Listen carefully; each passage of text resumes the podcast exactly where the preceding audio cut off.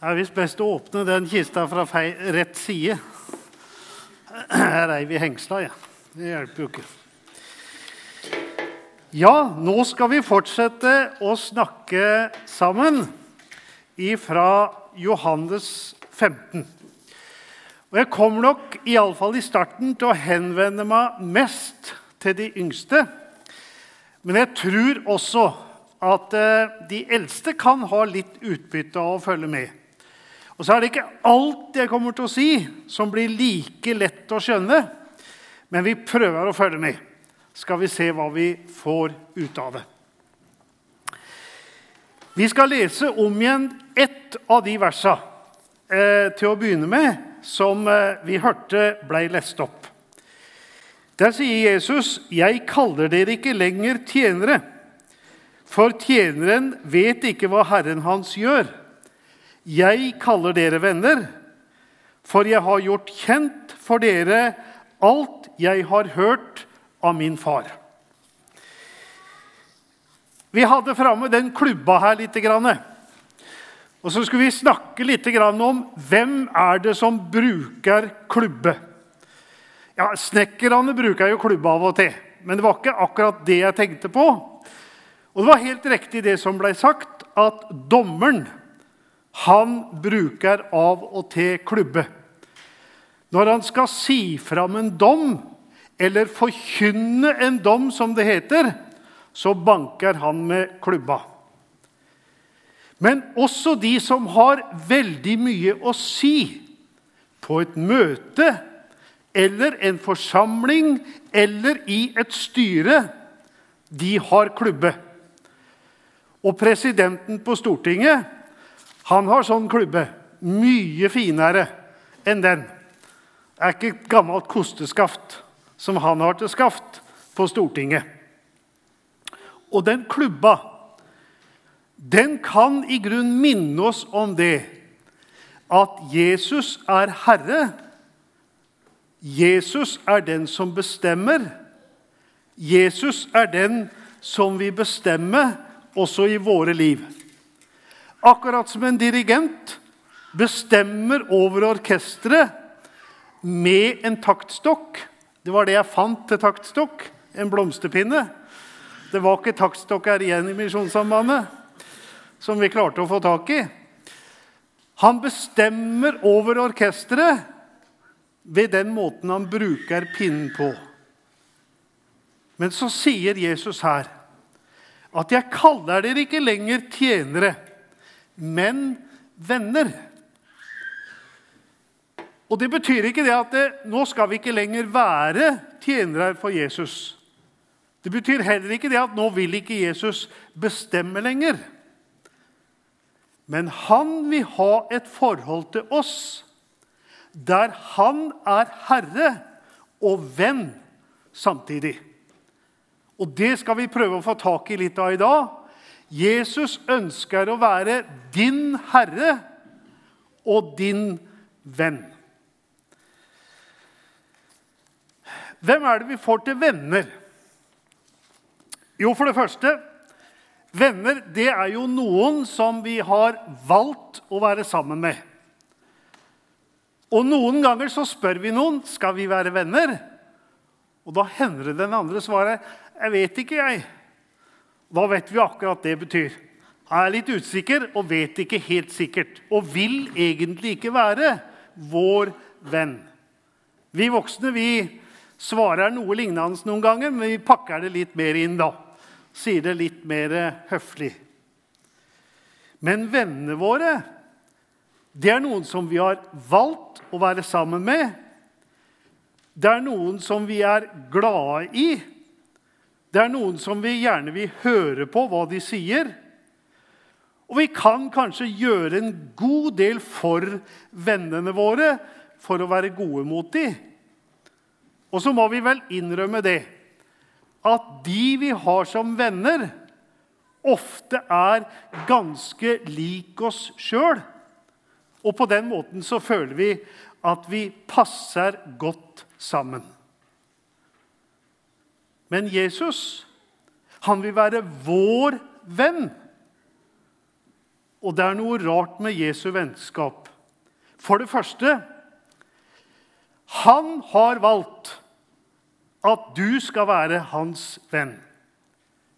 Jeg har ikke utvalgt Dere har ikke utvalgt meg, men jeg har utvalgt dere, sier Jesus. Og da kommer aldri Jesus til å si, 'Jeg vet ikke, jeg', når vi ønsker å være hans venn. Han har allerede valgt å være vår venn. Men Jesus og vi er ganske ulike.